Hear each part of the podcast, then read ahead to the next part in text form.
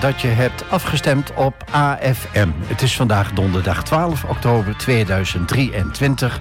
Welkom bij de 118e aflevering van De Blauwe Barometer. Het radioprogramma over de stand van de stad. De techniek is in handen van Tobias. Mijn naam is Henk Kooi. Vandaag is de gast Marcel Middelkamp, gemeenteraadslid voor Partij Vrij Almelo. Hartelijk welkom, Marcel. Heb ik je zo goed geïntroduceerd? Ja, dat heb je perfect gedaan. Nou, om met de actualiteit in het Midden-Oosten te beginnen. Hoe kijk jij tegen de situatie aan?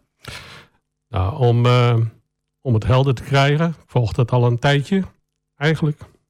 Um, hebben die mensen in de Gazastrook, dat is eigenlijk een, ja, het is eigenlijk bijna een concentratiekamp. En de Palestijnen, wat ze gedaan hebben, is natuurlijk absoluut fout. Maar het is in hun wereldbeleving is het wel te begrijpen dat ze dat gedaan hebben. Maar ze konden toch geen kant uit. Uh, zonder in details te verzanden. Ja. zie je binnenkort een oplossing? Nee, ik denk dat de oplossing nu wordt uh, militair uh, aangepakt. Door de hele Gazastrook wordt, Gazastrook wordt opgedoekt. Wat verdwijnt gewoon. En ik denk dat dat een veel gevaarlijke ontwikkeling is dan Rusland met Oekraïne. Want dat is een oorlog die gewoon uh, die heeft licht aan de tunnel aan het eind. En hier gaan we een hele donkere tunnel in met de Israëliërs en de Gazastrook en Iran. Dat is een enorm groot land. Dat hele land is. Uh, die wil Israël van de kaart vegen. Dat is een veel groter explosief dan Oekraïne met Rusland. Volgens de kenner is er maar één uitweg uit dit conflict. Ja, uh, wie weet mag het zeggen. Maar ik vind wel dat uh, je moet ook naar de minderheid luisteren. En je moet iedereen met respect behandelen. Uh, de Palestijnen zaten er heel lang. Uh, ja, ik ben natuurlijk niet een Midden-Oosten specialist. Maar op een gegeven moment dat in 1948, rond die tijd, is Israël een land binnengedrongen en heeft het uh, tot zichzelf gemaakt. En de bewoners die er waren, die konden nog een heel klein snipperstukje krijgen. Twee keer zo groot als Texel. Er zitten miljoenen mensen op, moet je je voorstellen. Die zitten als ratten in de val. En dan krijg je, dat, dit, dit had je kunnen verwachten. Ik keur het niet goed, maar het is wel een kat in het nauw. Maar een, ja, een rat in het nauw heeft gekke dingen veroorzaakt. Of eh, ja, uh, maar uiteindelijk, als je terugkijkt de oorzaak. Ja, je kunt niet alles die Palestijnen op kop geven. Nee. Praten schijnt de enige uh, oplossing te zijn. Ja, je moet het met fatsoen oplossen en respect hebben voor de minderheid. Dan moet je ook naar handelen. Oké. Okay. Hoe lang ben je al gemeenteraadslid, Marcel? Sinds 12 april 2020. 22, iets korter dan de andere raadsleden. En waarom heb je gekozen voor de Partij Vrij Almelo? Uh, dat heeft te maken met uh, mijn werk. Ik doe bestuursrecht. Ik help mensen en uh, burgers en bedrijven die het uh, probleem hebben met de overheid. Die de overheid op een, nak, op een nek hebben gekregen. En op een gegeven moment, een van de honderden zaken, zat Harry de Alde. Die zat in één keer achter in de zaal. Waarvan ik vroeg van, aan mijn cliënt, wie is die meneer achter in de zaal? Want er zit normaal nooit iemand in de rechtszaal.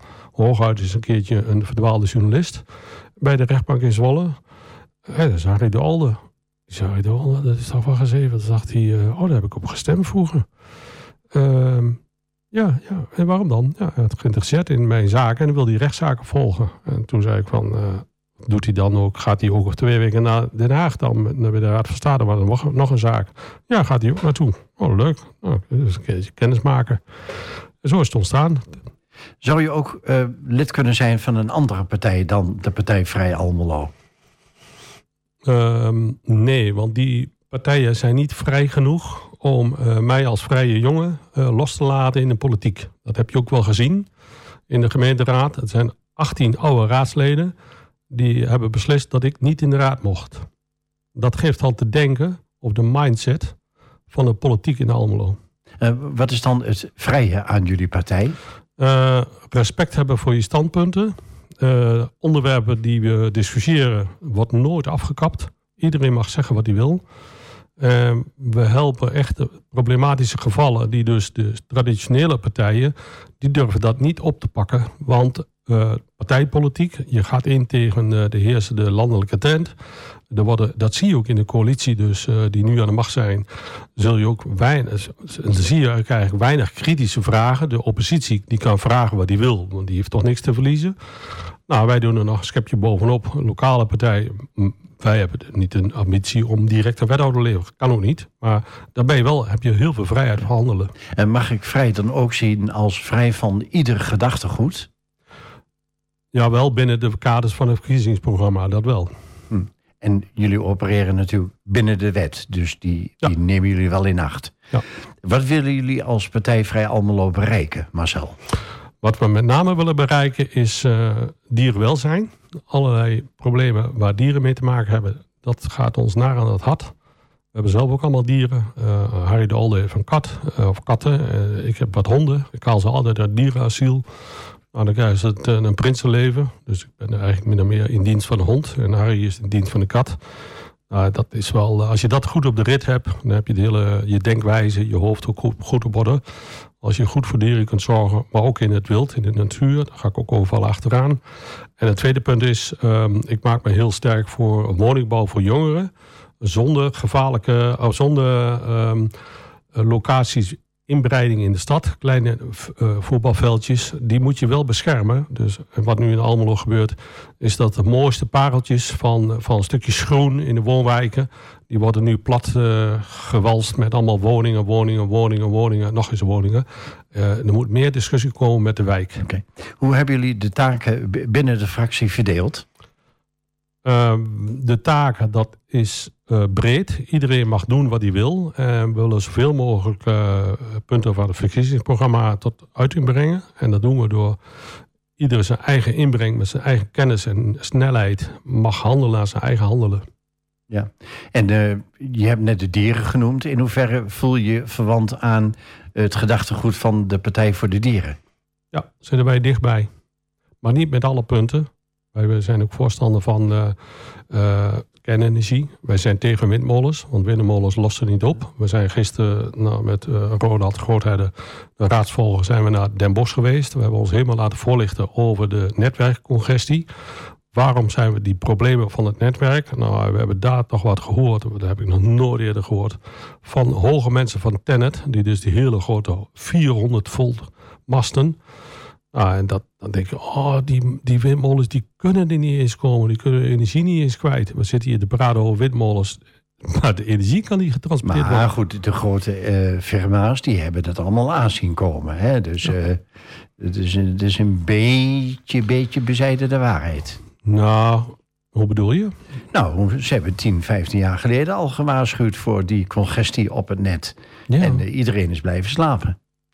Nou, er is natuurlijk ook wel aan de andere kant, uh, er wordt heel veel subsidie verstrekt. Dat kun je zien aan de windmolen of aan die uh, zonnepanelen. Nou, er is nu veel te veel zonnepanelen. En met windmolens ook krijg je heel veel subsidie. En, en, en, het gaat eigenlijk alleen maar om het geld. Ja. Uh, laten we even gaan of teruggaan naar je benoeming. Want eh, daar waren nogal wat strubbelingen. Ja, ja klopt. Dat was eh, bij de, zullen maar zeggen, de de mm, ja, ballotagecommissie noem ik het maar. Van hey, voldoe je aan de eisen? En er zijn vier eisen. Ben je 18? Woon je in Almelo? Sta je op de kieslijst? En uh, mag jij kiezen? Maar in Almelo hebben ze nog een aanvulling op gemaakt. Er is altijd wat te doen. Er moet altijd weer wat bij. Wat helemaal niet mag. Wat heeft de raad beslist? Uh, die zei van ja, maar je doet ook allerlei rechtszaken tegen de gemeente. En dat mag allemaal niet. En dan moet je verklaren dat je dat nooit meer doet. Ik zei, dat ga ik niet doen. Waarom niet dan? ik ben geen raadslid. Ja, dat moet je nu verklaren. Ik zeg, ik moet me niks verklaren. En jij hoeft mij niks te vertellen wat ik moet doen. Ik heb die vier reizen, ik ben 18, ik woon in Almelo en die andere twee.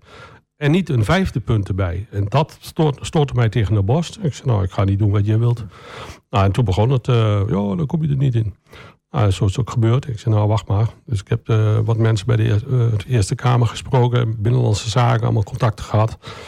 Nou, op een gegeven moment weet je die route wel. Want ik ben er wel 300 keer in Haag geweest met allerlei rechtszaken tot de Europese Hof toe. Dus ik weet mijn route wel te vinden. En uh, nou, wacht maar. Dat duurt niet lang. Klopt het beeld dat jullie als een lastige, dwarse partij worden gezien?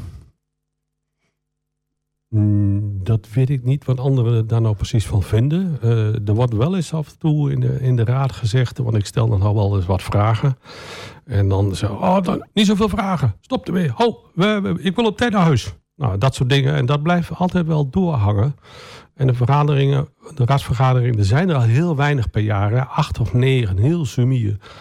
En wat wel opvalt is, uh, nou, dan stellen we scherpe vragen. En dan worden ze verboden, want dat is te moeilijk. Dus wij mogen geen mondelinge vragen meer stellen tijdens het mondelinge vragenuurtje. Jullie partij komt op voor de gewone man. Ben je het eens met de stelling dat er een grote kloof is tussen de overheid en diezelfde gewone man? Jazeker, jazeker. Neem bijvoorbeeld uh, allerlei toeslagen. Nou, de bekendste is natuurlijk die kindertoeslagen. Maar hier in Almelo zijn ook veel huisuitzettingen. Uh, er wordt uh, vrij strak uh, wordt erop geacteerd door vrij veel, ja, in ieder geval naar verhouding, stevige huisuitzettingen, uh, bestuurlijke rechtszaken, boetes, uh, vrijheid van meningsuiting, moet je allemaal vergunning aanvragen. Dat was afgelopen zomer, vorige was dat met die zomer, die politie was dat ook zo. Ik denk, ja, je moet wel ruimte geven aan mensen. En als je dan een rechtszaak voert, vind ik dat een, iemand die dat niet helemaal kan betalen, die, ik vind dat die absoluut direct van de gemeentewegen meteen een juridisch adviseur aangeboden krijgt die van A tot Z de rechtshulp verleent. Dat vind jij behoorlijk bestuur? Dat vind ik beter bestuur dan wat het nu is. Na de vier stellingen, bestaande uit stellingen en dilemma's, vraag ik je verder over die kloof.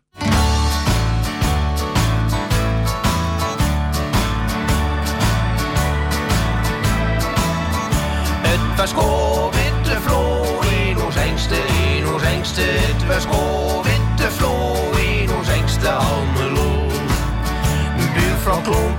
Man, ze was zo als water, Jos zo lille kast.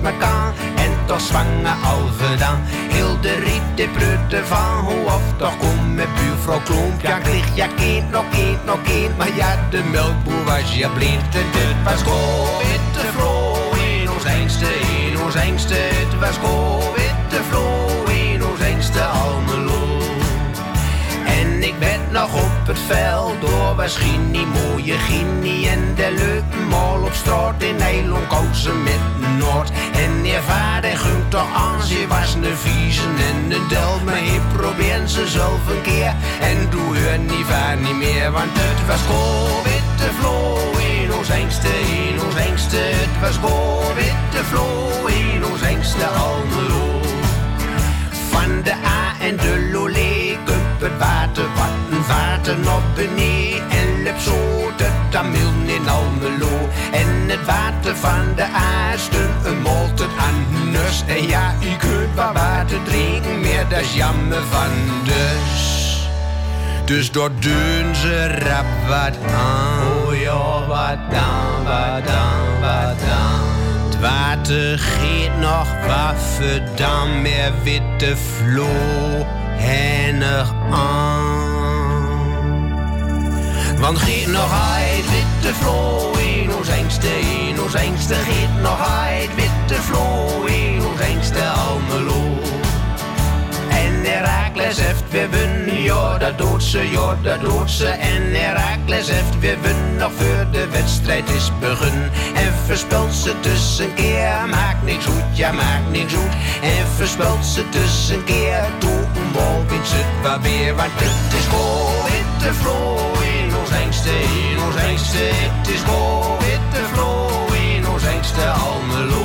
Het is witte vlo in ons engste, in ons engste. Het is witte vlo in ons engste Almelo.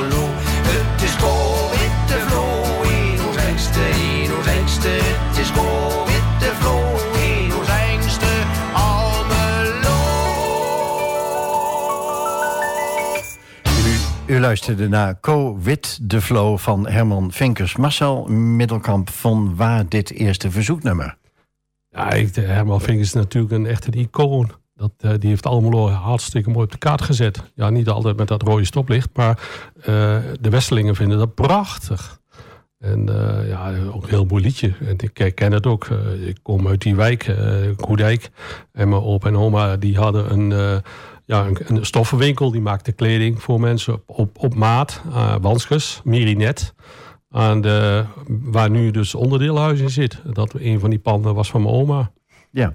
Ehm, laten we toch even teruggaan naar het eh, stukje voor de muziek. Want hoe, hoe, daar ben ik dan benieuwd naar. Hoe ben je uiteindelijk wel in de raad gekomen? Ja, de eerste keer eh, eh, op rond 30 maart was dat. er werden 34 raadsleden benoemd en ik niet. Want ik zou zogenaamd niet voldoen aan de vijfde eis. Ja, en dan uh, schatelen je allerlei van het ministerie mensen in. En nou, ik dacht, nou laat die hun werk maar doen komt allemaal goed. Nou, toen op een gegeven moment kwamen alle fractievoorzitters bij elkaar bij de burgemeester. Ik heb het mij zo laten vertellen. En uh, dat was dus twaalf dagen daarna. En toen zei uh, de burgemeester, nou, we moeten toch weer bij elkaar komen, want uh, we hebben wat nieuws. Oké, okay, nou bij elkaar. Ja, uh, gaat over Bas Middelkamp. Die, uh, die hebben dus besloten. Nou, wat vindt iedereen ervan? Ja, die hoort niet in de raad en die komt er niet in. Wat is er aan de hand? En niks mee. Allemaal verhalen. Nou, zijn jullie allemaal uitgepraat, de burgemeester. Nou ja, kan ik je uit de brand helpen? Hij moet erin.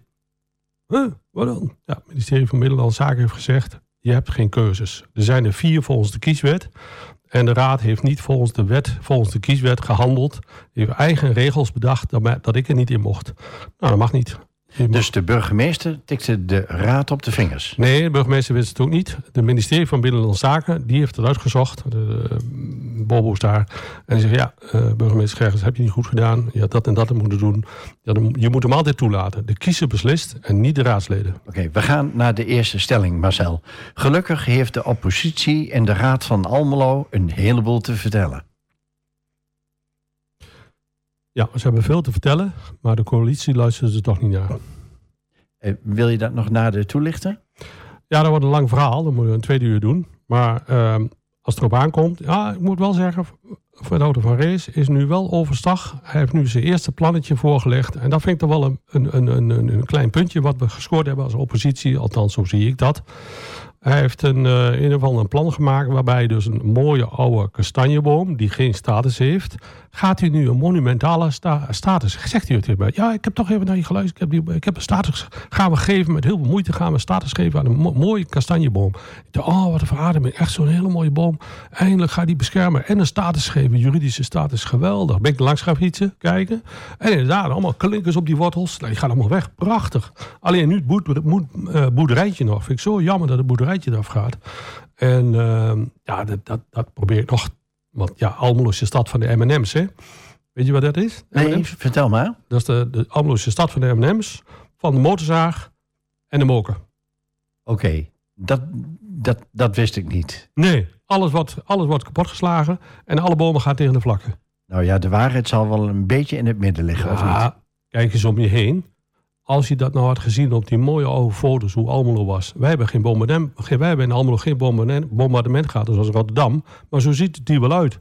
Alles is beton bijna. Er zijn een paar mooie Per saldo zijn er echt een paar mooie huizen en een beetje over, overeind gebleven. En dat moeten we behouden, want ik hoor nu ook al dat Erven Noordik gaat tegen de vlakte. En dan komt ook uh, woningbouw. Ik weet niet hoeveel huizen, maar dat moet, dat moet je toch niet willen? Nee, maar dat heeft dan te maken met de inbreiding, hè? Dus alle, alle holle kiezen in de stad. Nee, maar dat is geen holle kies. Erven Noordik is geen holle kies. Nee, er moet eerst iets af worden gebroken. Nee, je moet eerst oppassen wat je gaat doen. Uh, ga niet dat soort mooie oude, oude schepen verbranden voordat je nieuw hebt. En, het, het, mag niet zo zijn dat je 4000 huis gaat bouwen op, en dan uh, het groen in de binnenstad maar uh, aan zijn lot overladen en vernielen. Ja. Maar de raad heeft toch ook nog iets te zeggen dan, of niet? Ja, dat is de meerderheid. En, dat, en de meerderheid, als je me toestaat om daar iets over te zeggen... waarom Waarom is de VVD aan de macht? Waarom is de CDA aan de macht? Waarom, waarom hebben we, zitten we met deze coalitie? We hebben, even duidelijk, we hebben dus 57% van Almelo is niet wezen stemmen. Ik heb een motie ingebracht dat iedereen krijgt, als hij gaat stemmen, krijgt hij 10 euro terug, wat hij eerder via belastingheffing heeft uh, uh, ingevorderd. Hè. Dan krijg je je eigen 10 euro terug. Dus mensen die niet, geen zin hebben om te stemmen, dat gaat hun dan 10 euro kosten. Nou, uh, belachelijk. Ja, ik zeg nou, je moet ook meer stembureaus krijgen. Want dan krijg je dus een hele andere verdeling.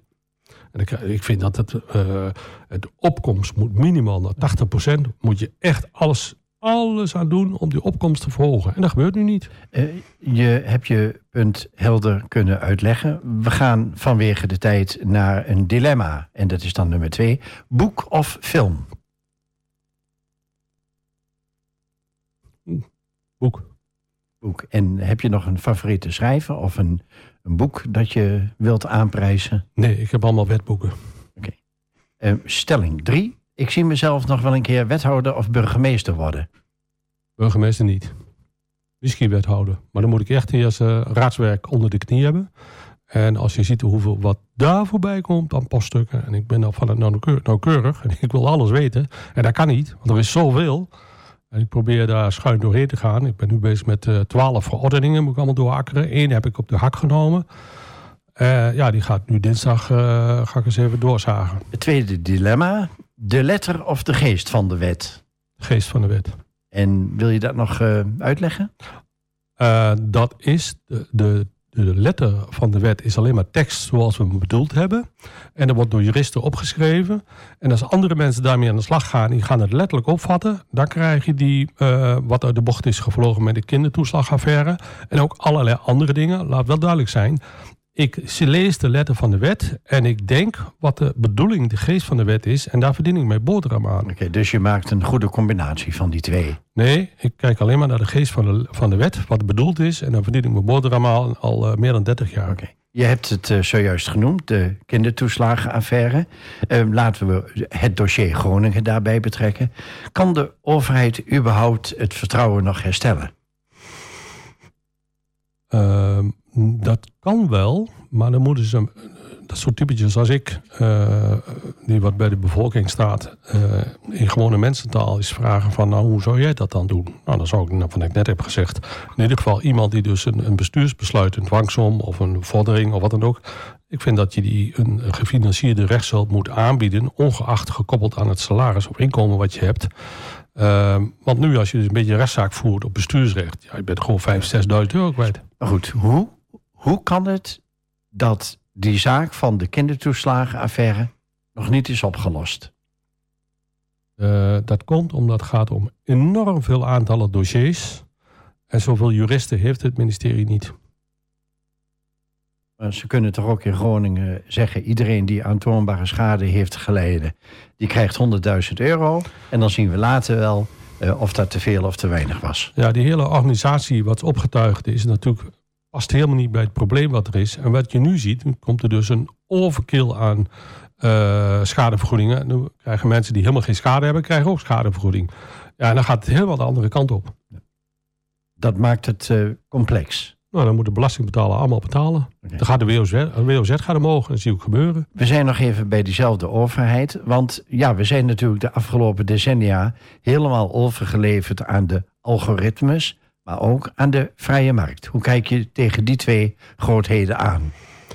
Ja, die algoritmes, eh, ik heb dat toen al gezien in de jaren 90 bij de douane. Van die ook algoritmes. En dan als je dan eh, daarin valt, ja, dan, dan werd je de grazen genomen als het ware. En dat is een grote Je moet ook, het is mensenwerk, hè, je moet er nadenken.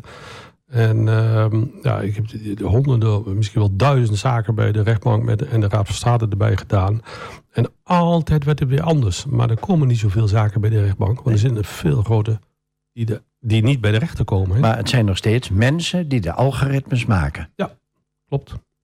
En is daar dan geen controle of niet voldoende controle op? Nee, er zijn eh, bij allerlei overheidsinstanties eh, worden mensen zoals ik een beetje, ik ben een beetje, ja, ik zeg een beetje zelf, een beetje eigen gereid. En ik zeg van, nou, als ik, die worden niet aangenomen bij de overheid. En je kun je al zien hoe ik in de raad ben gekomen. Ja. En die denkwijze moet doorbroken worden. Ja. En eh, zou eh, Pieter Omtzigt met een nieuw sociaal contract eh, dat kunnen? Wat hij tot nu toe heeft laten zien, slaat hij elke keer de spijker op zijn kop. Dat bevalt me wel. Ik ben niet met alle dingen met hem eens, maar eh, ben wel met heel veel dingen. En de manier waarop hij zijn ding, daar ga ik niet op inhoudelijk in, maar de manier waarop hij dat doet en hoe snel hij dat, eh, ja, ik denk dat hij een, een goede toekomst tegemoet gaat. Vertolkt hij ook de grote onvrede die in brede lagen van de samenleving leeft? Ja, want hij durft het eh, migrantenprobleem durft hij aan te kaarten. En het migrantenprobleem is eigenlijk de oorzaak, de arbeidsmigranten met name, ook, maar ook de asielzoekers, maar vooral de arbeidsmigranten, vanwege de distributiecentra. Daardoor zitten wij met een woningtekort. Oké, even naar de andere grootheid, de vrije markt. Ja, dan moet ik even toelichten wat je bedoelt met de vrije markt voor de kindertoeslagaffaire. Nou ja, nee, ik bedoel niet dat de algoritmes met de vrije markt te maken hebben, maar het zijn aparte grootheden. De algoritmes, daar heb je zelf vanuit je eigen ervaring Ja. iets over genoemd. Maar het neoliberale denken Ja. is teken de vrije markt eh, vanaf het begin van de jaren Ja, tachtig. hier is inderdaad eh, de aandelen van Twents bijvoorbeeld, die worden verkocht. Of die wil de gemeente Almelo verkopen. Ja, Twents doet er heel veel dingen bij. Maar Twents moet zich bemoeien met de afval, afvalinzameling en verwerking daarvan. Ehm, die hele windmolenbusiness en die eh, zonneparken, dat is allemaal aan de vrije markt. En die krijgen heel veel subsidie, SDE, subsidie eh, plus en dat soort dingen. En de burger betaalt het allemaal. Maar die windmolens en die zonneparken, dat moet eigenlijk de overheid zelf doen. En de winst moet terugvloeien naar de, naar de burgers. Maar dat heeft de overheid, VVD, CDA en dat soort bedrijven, die laten lekker aan de bedrijven over. En dat gaan we niet doen. Maar dat, dat die winst gaat in die bedrijven, in die zakken van die bedrijven en niet naar die burgers. En die marktwerking is totaal doorgeschoten. De SP is een van de weinige partijen die met name de zorg weer eh, terug wil hebben Ja. onder de paraplu van de staat. Ja. Hoe, hoe denk jij daarover? Ja, de zorg loopt eh, helemaal uit de hand. Eh, en dat gaat helemaal verkeerde vorm aannemen. Ik was vanochtend in een wijkkamer. Nou, dat draait dan wel leuk. Eh, maar er komt een grote onheil op, op ons af. En dat, moet, eh, dat, moet, dat, kan, dat, kan de, dat kan de zorg helemaal niet eh, oppakken. Je ziet nu al allerlei problemen in de zorg. Is, de, is die klok nog terug te draaien? Jawel, dan moet de kiezer doen. De kiezer heeft het voor het zeggen. De kiezer, het, ligt, het is een schot voor al bedoel. Ja. Alleen de kiezer zegt, ja, ik ga toch niet stemmen, heeft toch geen nut. Die- Maar juist daardoor, dat is de reden dat je de maatschappij voor de niet-kiezer. En hoe krijg je de kiezer zover dat hij zich wel verdiept in deze materie? Eh, door bijvoorbeeld eh, statiegeld op een stempas in te voeren. Dan gaan ze nadenken. Huh? Als ik ga stemmen, krijg ik mijn eigen tientje weer terug. En als ik niet ga stemmen, niet ga stemmen dan ben ik mijn tientje kwijt. Dat is een leuk begin. En meer stembureaus. Maar goed, je hebt nog altijd eh, één stem plus de helft nodig om dat in de Tweede Kamer voor elkaar te boksen.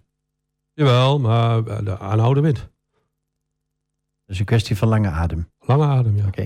Jullie zijn eh, een kleine partij. De, er wordt ook over gesproken. eh, de commissie Ritsen is daarvoor ingesteld. eh, om de kiesdrempel naar 3% eventueel te verhogen. Wat zou dat voor jullie partij betekenen? Als wij met één of twee stemmen, we hebben nu twee, twee raadsleden en één raadsvolger.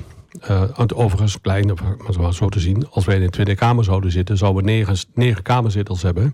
Zo, dat is ook nog even te, be- te bekijken. Ehm, als die kiesdrempel worden ingevoerd, hier hebben we allemaal 14, 15 partijen. Juist door die grote palet aan kleine partijen. Onze partij durft gewoon allerlei moties in te dienen, vragen te stellen. Maakt ons niks uit of de vragen wel of niet goed zijn. Interesseert ons niet. Of wij, dit is ons punt en dan gaan we graven. En we gaan eromheen gaan zoeken. En als je te weinig van die kleine partijtjes hebt, dan durven ze dat niet meer goed aan te kaarten. Want de grote partijen die dicht bij de, eh, bij de macht zitten, stellen minder vragen. En dan blijft de, dan blijft de problemen blijven voortbestaan. Oké, zometeen vraag ik je over mogelijke manieren om de burgers meer bij het beleid te betrekken.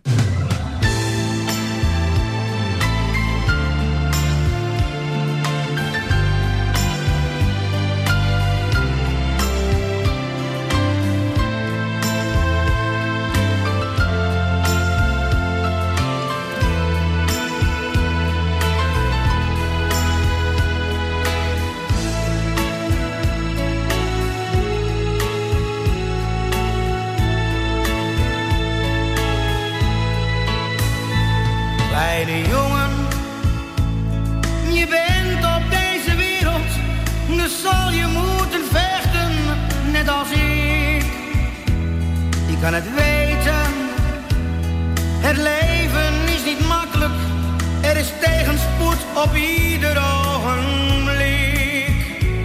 Kleine jongen, er zijn veel goede mensen, maar slechte zijn er ook helaas niet waar.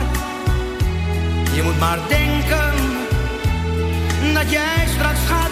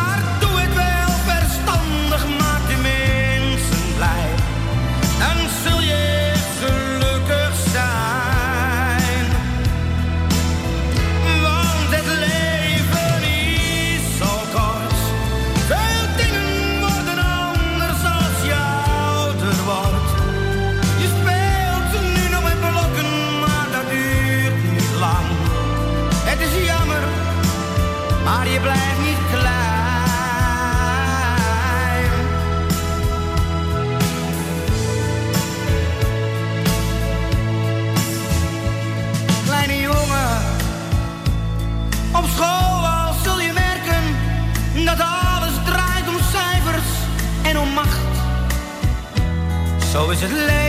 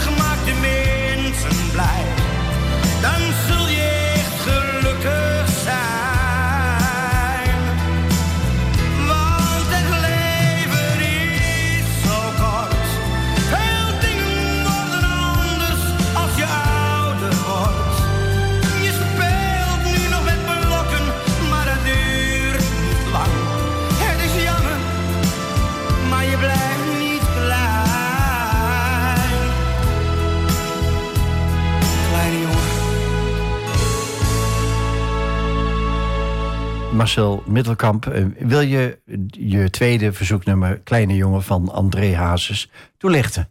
Ja, ik vind dat André Hazes is een eh, ja, eh, volkszanger. Eh, ik vind het een mooi lied. En inhoudelijk ook een mooi Ja. lied. Maar ja, er zijn zoveel mooie liederen. En ik mocht er maar twee kiezen. De laatste jaren wordt steeds meer duidelijk dat het einde van de partijenpolitiek nabij is. Althans, dat zeggen de kenners. Wat vind je van die, van die mening? Ja, als je het zo vraagt, dan denk je, ja, ik heb me daar nooit zo mee bemoeid. Maar aan de andere kant, eh, als je ziet hoe makkelijk je de politiek in kunt gaan. Je kunt bij een klein partijtje, want daar willen niet veel mensen zich mee geassocieerd voelen. Of geen zin hebben, of heel veel werk en geen resultaat. Ja, dat kan zo zijn, maar dat is niet mijn uitgangspunt. En je kunt wel eh, bij een, we hebben nu ook een nieuwe persoon. Ik ken hem niet. Hij komt op de eh, een of andere ideeënmarkt en ik ga ermee aan praten. En oh, hoe kom je hier? En ik ga met die man praten. En ik ben de enige die praat met die man. Ja, waarom, waarom voor die andere raad zeggen, maar ga je een persoon heen die nooit komt? Ik, ik ga het meteen een praatje maken. En hoe zit hij elke maand gaat bij ons bij de fractie. Hij leest al stukken. Ik zeg, nou, leuk. Doe maar. Ja. Nou, vind ik prachtig. Ik breng dit eh, punt eh, te sprake. ehm, eh, om, omdat in mijn beleving heel vaak sprake is van een voorstel.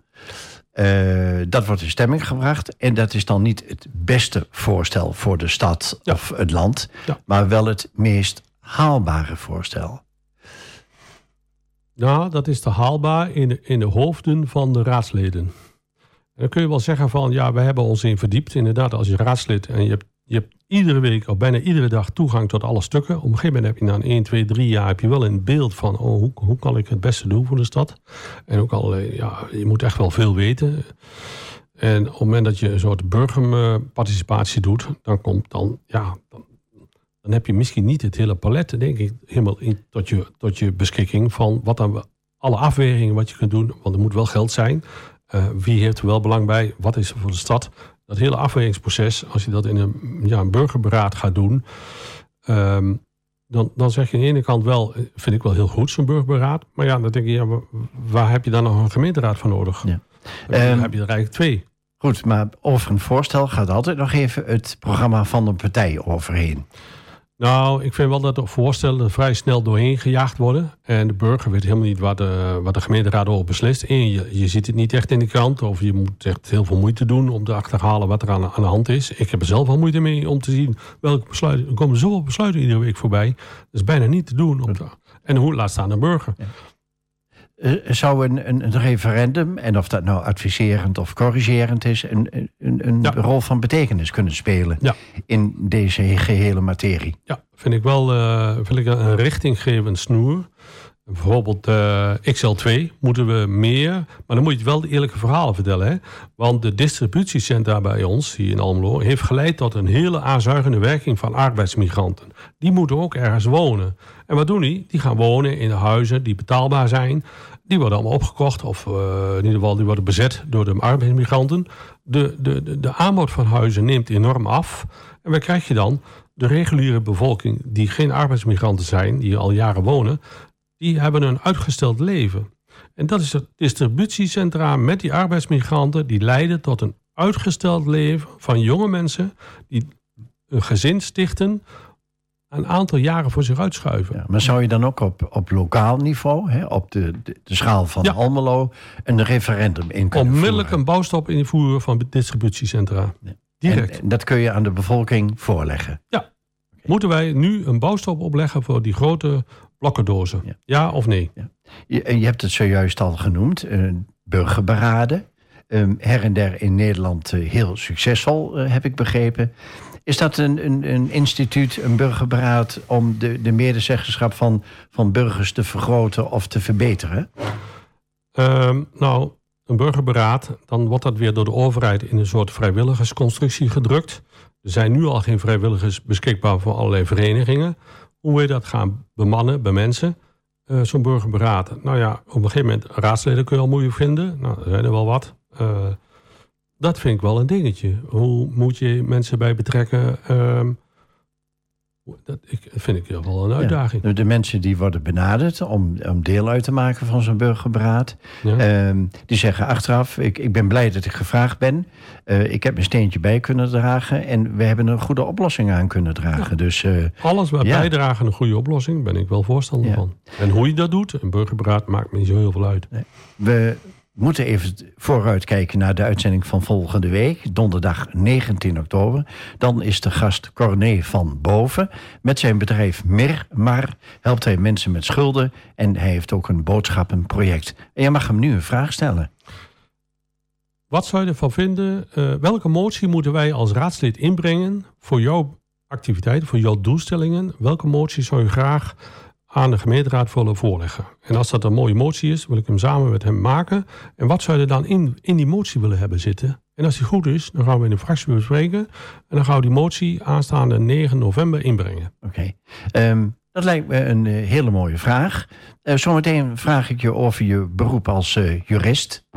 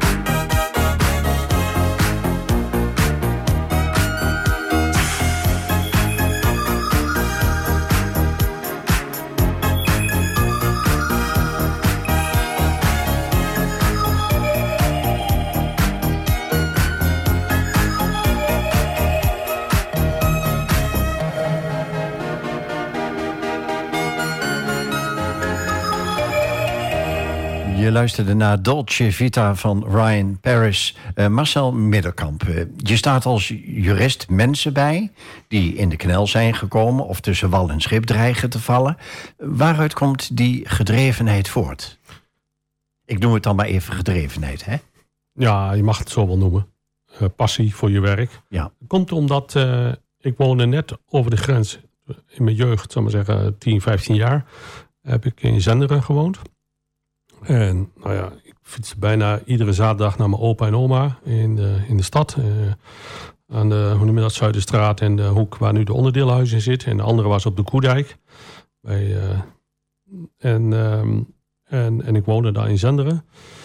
En daar kregen we in één keer een eh, bericht dat er in het bos waar ik speelde, op de grensvlak van Zenderen met, eh, met Almelo, en dan liep je door het bos en dan was je weer in Nijreesbos. Daar in dat gebied er kwam een eh vuilstad geprojecteerd, of in Raalte of in Zenderen. Ehm, en Hengelo en Enschede die wilden dat hebben, want Enschede had een vuilstadlocatie en er moest elders in Twente ook een tweede locatie bij komen. Dat was helemaal niet nodig, maar er werd gewoon doorgedrukt. En eh, meneer Spanjaard, Spanje, Spanjaard, eh, eh, die zat er ook in het spel. En de burgemeesters allemaal. En een heel politiek rare spel. En daar ging dat bos eraan. Met oorlogsmonumenten erin. Er zijn twee, drie mensen zijn daar gefusilleerd.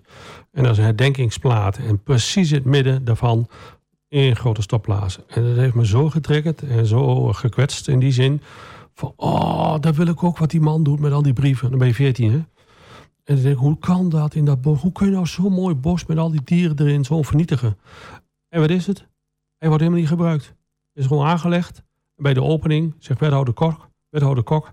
Hij zegt, ja, met de wetenschap van nu, we, doen, we hebben hem nu geopend, maar nu had hij gedicht moeten. Toen ben ik een studie gaan volgen. Ik reed op een vrachtwagen met chemisch afval ophalen. Dus ik had al enige kennis daarvan. En een studie gevolgd, heel veel rechtszaken gevoerd. Komt die vergunning van die stapplaats weer voorbij, want die verviel. Ah, 2000. hè. Ja. En toen heb ik hem dichtgekregen met procedures. Zeven jaar is hij op slot geweest. Nou, en dat dansje, dat kunstje, dat kun je. Dat is repeterend, hè? Dus dan kun je honderden, misschien wel duizenden zaken gevoerd. Voor, voor iedereen nog wat. Tot en met de Europese Hof. Ja. Gewoon alleen goed lezen. Je leest goed, je verdiept je in de materie. Eh, Schenk je dat ook heel veel plezier? Het is gewoon, eh, gewoon hobby eigenlijk. Het is gewoon, eh, ik vond het leuk dat de bezwaar, oh dat gaat makkelijk. Dat is gewoon, je schrijft een bezwaar en je, een goed verhaal. En de rechter zegt, oh je wil, eh, ja, je doet uitspraak. Ehm, nou, hup, dan kwamen ze aan, aan de lopende band, allemaal gewonnen, gewonnen, gewonnen. En als je dat beroepsmatig doet, dan kreeg je nou eh 1400, 1205, 1260 gulden kreeg je toen. Nou, of ja, dat soort bedragen. En Dat vond ik wel, eh, daar kun je wel van, eh, van leven. Kun je vertellen wat het meest schrijnende geval is geweest waarvoor jij je hebt ingezet? dat is toch die zaak bij het Europese Hof. En daar heb ik gewoon gezien dat de wet niet goed is. Dus niet de besluiten van de provincie of de gemeente of van het Rijk. Eh, Ik heb ze allemaal voor. De, ik heb bij alle rechtbanken geweest in Nederland, behalve Middelburg. Toen dacht ik van, oh, je moet zienswijzen indienen. Waarom moet je een zienswijze indienen voor een besluit wat nog niet genomen is? En als je dat niet gedaan hebt, mocht je als straf niet naar de rechter. Dus er was er een besluit. Ja, je mag niet naar de rechter. Staat in de wet, artikel 613. Toen denk ik, ah, laat ik die Europese wetgeving eens bijhalen. En dat is zo'n mooie website van de Europese Unie met alles erop en eraan. Alle talen wat je maar wilt bedenken, ook Nederlands. En dan print je dat uit, die wetgeving, en dan ga je lezen. Eh, Snap je, daar kun je geen chocola maken. Gewoon in het Nederlands, hè. Maar toch blijven lezen, tien keer lezen. Toen dacht ik, wat is de geest van de wet? Wat wil die, wat wil die tekst zeggen? Iedereen mag in beroep bij de rechter. Punt. Toen dacht ik, dat ga ik vertellen. En dan kreeg ik gelijk bij zeven rechters op een rijtje. Help, ja. Helpt het feit dat je jurist bent bij je werk als gemeenteraadslid? zeker. Ik ben HBO-jurist, dus niet. Ik heb één, één jaar univers- universiteit gedaan. Ik dacht, ah, ik, ik weet veel meer wat ze mij daar nu vertellen. Ik zeg, ik ga al die jaren niet nog eens een keer weer eh, eh, daaraan eh, verspijkeren. Ik ga gewoon direct eh handschoenen. Ik had al voldoende bagage. En dat helpt zeker als raadslid, want ik, ik ben nu met die vorderingen bezig over parkeerbelasting. Wij als partij Vrij Almelo, wij zijn tegen parkeerbelasting. Ik vind dat je in ieder geval een aantal uren, één of twee uur gratis moet parkeren. En daarna moet je betalen, liefst op vier uur gratis. Eh, want er moet wel enige rem op zitten dat die auto wel weer weggaat natuurlijk. Want anders blijft hij daar weken staan. Maar de eerste vier uur, dat help je de winkeliers in de stad. Ik heb naar Nij Nijverdal en, en, en, en al die andere plaatsen, ik heb eens nagekeken. Er wordt bijna geen eh, parkeerbelasting gegeven. Alleen maar in heel moeilijke knelgevallen, weer in die woonwijken. Nou, eh, dat moet allemaal onmiddellijk mee doen. Ja. Gratis parkeren, tot vier uur. Maar goed, je collega gemeenteraadsleden moeten toch blij zijn met jouw kennis en kunde. Eh, van mij, eh, soms zeggen we wel eens van... hey, ik had een vraag van jou gewacht. Waarom zeg je nu niks? "Ja, wacht maar, dat komt later wel. Ik ga dat nu nog niet doen. Maar ik heb gevoel, ja, nou, moeten ze ook zelf weten... dat ze af en toe wel luisteren naar mij. Maar een aantal dingen ook gewoon weer niet. Eh, nou ja, het duurt nog een aantal jaren. Maar je moet wel goed nadenken over die parkeerbelasting. Wat voor een effect heeft. Wie benadeel je daarmee? Want de gemeente doet met parkeerbelasting... kijkt alleen maar naar hun eigen begroting. Ja, we hebben er geld nodig. En daarom doen we dat. Hé, hoeveel mensen benadeel je daar van jouw eigen gewin om jouw begrotingsluiting te krijgen? Want daar kijkt, wordt alleen maar naar gekeken. Begroting, begroting, begroting. Nee, wat is de begroting van die winkeliers? Die moet je ook betrekken bij je oordeel. En Maar dan neem je dus de sluitende begroting als uitgangspunt en niet de mens. Niet, nee, nee, de begroting is, dat moet kloppen. En, en, en wie er last van heeft, dat hun. Want je plukt eigenlijk geld van winkeliers of bedrijven af om je eigen begroting rond te krijgen. Goed, we gaan even naar een ander punt, ook omwille van de tijd, eh, Marcel. Eh, je zet je ook in voor betaalbare huisvesting voor, voor jongeren. Waardoor is die inzet ingegeven? Ik vind dat de overheid heeft een puinhoop van gemaakt. En dat moet onmiddellijk worden eh, afgestraft met stoppen met arbeidsmigranten, stoppen met migranten. In ieder geval niet in dit, deze aantallen. En je zult dus alles in het werk moeten zetten om voor de jongeren dat die niet meer een uitgesteld leven hebben en geen uitgesteld gezinsleven hebben. Die moet je echt alle voorrang geven. En wat moet er dan gedaan worden? Nou, er moet eerst in ieder geval een wetgeving worden gemaakt dat je, eh, waar het mogelijk is, je huis kunnen splitsen. Woningsplitsing. Er was vroeger, kort na de oorlog, allerlei mensen, docenten, die woonden gewoon bij wildvreemde mensen in huis, apart. En dat was toegestaan. En, dat mag moet dat niet. dan, moet dan bij wet worden opgelegd? Tijdelijk in de gemeentelijke verordening of bestemmingsplannen moet voor 10 à 20 jaar een noodmaatregel worden getroffen. Dat je waar mogelijk mag je een vergunning aanvragen. En waar het kan, moet de gemeente niet zo moeilijk doen. Ik heb het zelf ook al geprobeerd en werd geweigerd. Dus ik heb een weigeringsbesluit op mijn eigen woning om die te splitsen. Mag niet, mag niet, mag niet. Maar goed, een veelgehoorde klacht is dat de bureaucratie van de overheid eh, tegen allerlei eh, initiatieven eh, werkt. Ja, dat moet je omkeren. Zorg maar dat je een paar ondernemers hebt. Eh, Ik ben ook een ondernemer. Ik ben praktisch denken. Niet zo moeilijk. Weg met die bureaucratie. Nadenken. En geef het een kans. Ga met proefpro- proefprojecten. Ga een vijf jaar. Of doe eens bijvoorbeeld een half jaar. Of één jaar. Ga dat nog eens doen. Maar probeer iets. Probeer iets. Eh, zometeen vraag ik je nog over de begroting van Almelo.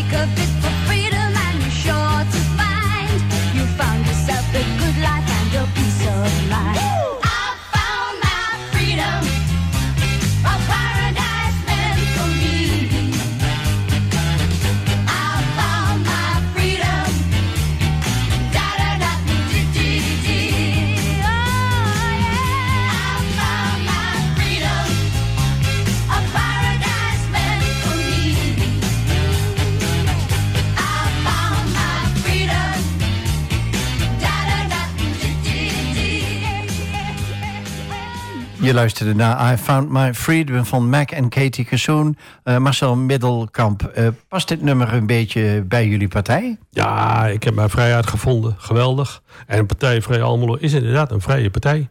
Nou ja, ik, ik geef hier gewoon uit losse pols een aantal oplossingen om het woningprobleem op te lossen. Nou, dat zul je van de CDA niet horen zeggen. En de VVD ook niet. We gaan even naar de begroting eh, van de gemeente Almelo. Want eh, het zogenaamde ravijnjaar 2026 zit er aan te komen met een groot tekort. Maar op de een begroting van 350 miljoen is 12,5 miljoen of daaromtrent natuurlijk eh, heel weinig. Hoe kijk jij tegen dat dreigende tekort? Eh, eh, dus de, de gemeentefonds gaat dan minder uitkeren aan de gemeentes na dat jaar. Hoe kijk je daar tegenaan? Ja, ja, kijk, dat is natuurlijk ook een spel. Hè. Kijk, het Rijk geeft het geld en de gemeente ontvangt het. Nou, het zijn net eh, jonge vogels in een nestje, hè, maar schreeuwen dat ik wat eten moet hebben. En dan komt het Rijk eraan, dat is de moedervogel, en die gooit wat bij die vogels in die bekkies. Nou, degene die dit hard schreeuwt, krijgt ze meest in de bekkie. En dat is eigenlijk van de gemeente die het hardste schreeuwen. Dus die, ik, ik heb soms het idee dat die begroting een beetje wordt eh, een beetje opgeklopt. En een ravijnjaar en hard op de trom slaan. En denk je, ja, straks gaat het verkeerd. En dan heb je het ministerie, denk je, ja, straks gaat het verkeerd. En dan krijgt dit Rijk op het kop. En de gemeentes hebben het al gewaarschuwd. Rampjaar, rampjaar, rampjaar. Maar goed, het is natuurlijk al heel eh, goed dat de Nederlandse Vereniging voor Gemeenten Ja. eh, heeft geadviseerd aan de gemeente: ga geen sluitende begroting overleggen Ja. Voor 2026 en 2027. En, en, en het Rijk, denk je dat hij zo dom is dat hij dat niet doorheeft? Nee, nee, maar goed, op die manier wordt er door de gemeente wel een signaal afgegeven. Ja. Nou, dat is ook goed, dat is ook een signaal. Maar het wil niet zeggen dat het ravijnjaar een definitief ravijnjaar gaat worden. We vermoeden dat het een ravijn, eh, rampjaar gaat worden, wat financiën betreft. Maar wordt het dan weer, sorry dat ik je onderbreek, bezuinigen, bezuinigen eh, in het sociale domein? Ik weet niet waar ze op bezuinigen. Ik zit niet aan het bestuur. Ik kan alleen maar het bestuur controleren en zeggen wat niet goed is. En de WOZ gaat met 2 of 3 procent omhoog? Ja, dat krijg je al. Dat soort dingen. Het, is altijd, eh, het, is altijd hetzelfde wat er dan gebeurt. Ja, Men eh, gaat weer iets verhogen omdat er een tekort is. Kijk, je krijgt als gemeente geld van het Rijk en je kunt als gemeente zelf een paar middelen doen. Ehm, maar als je kijkt hoeveel geld er van bedrijven wordt gevraagd, zoals met die grote blokkendozen, ah, die betalen helemaal niet zoveel. Kijk maar bijvoorbeeld, iedere burger in Almelo betaalt meer dan 2000 euro aan, aan om de accijnsen te financieren, dat grote bedrijven aardgas bijna voor niks kunnen gebruiken. Als het cijfer klopt, dan krijgt eh, de- of Tata Steel... die moet 100 euro per jaar voor het gebruik van het water eh, betalen. Ja, toch, en dat, als dat echt zo is, dat is schandalig. Want wij, de burger betaalt 2000 euro op dat grote bedrijven gratis, bijna gratis elektra en aardgas kunnen gebruiken. Ook de Almeloze inwoners, maal 73.000. En dat, en dat maal, 73.000 maal 2000. Dat gaat om miljarden. Dus jullie partij blijft de eerste decennia wel nodig. Ja, we moeten echt proberen dat die. We willen missie is. We willen meer stembureaus hebben. En dat we een zuiver beeld krijgen. De opkomst moet naar 80% met de gemeenteraadsverkiezingen. Oh, trouwens, alle verkiezingen. En eh, er zijn 22 november eh, eh, verkiezingen voor de Tweede Kamer. Ja. Daarna kan op financieel gebied alles nog veranderen. Kan alles veranderen, ja. Als je een toverstokje had, Marcel, wat zou je dan aan of in de wereld willen veranderen? Nou, in ieder geval dat soort gekke mensen als Kamp van de VVD, die helemaal niet weten hoe de kindertoeslagaffaire in, in elkaar zit.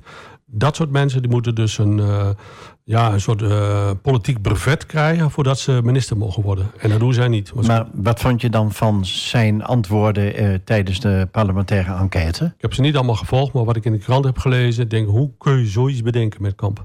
Dat soort mensen, dat die aan het stuur hebben gezeten, dat de VVD daar niet heeft ingegrepen als met Kamp. Dat die, eh, uiteindelijk heeft hij een van de is hij van de personen het laten ontsporen. Want mevrouw Palme, die heeft dat rapport geschreven. Ze zegt, dat kan absoluut niet zo. En heb je die hogere laag, zoals Kamp en dat soort mensen, die kijken daar niet naar, willen dat niet zien, kijken weg. Eigen verantwoording, mensen moeten het zelf maar bekijken. Niet iedereen kan dat zoals Kamp dat doet. En die rekent alleen bij zichzelf af. En dat vind ik een kwalijke zaak. Ik En daarmee geef je ook de kloof aan tussen overheid en burgers. ik heb het hier in de gemeenteraad gemaakt. En gezegd, ik wil meer stembureaus hebben. En toen werd eh, van het, ja, maar onze partij die, eh, die weet ons wel te vinden. Maar nee, Je moet de burger makkelijk maken om te stemmen. De tijd is bijna om. De laatste vraag, Marcel. Wat is tot slot jouw woord voor de wereld? Dat wil je sowieso kwijt, omdat je er vol van bent... of omdat je gewoon vindt dat iedereen dat moet weten. Luister en heb respect voor minderheden. Op allerlei vlakken. Dankjewel Marcel voor het feit dat je te gast wilde zijn... in deze aflevering van. De Blauwe Barometer. Graag gedaan. Eh, we zijn aan het einde gekomen van deze uitzending. Meteen hierna om 9 uur komt het programma Soultime... en om 10 uur de draaideur met non-stop muziek. Volgende week donderdag 19 oktober zijn we er weer. Dan is de gast Corné van Boven. Tot volgende week. Tot dan.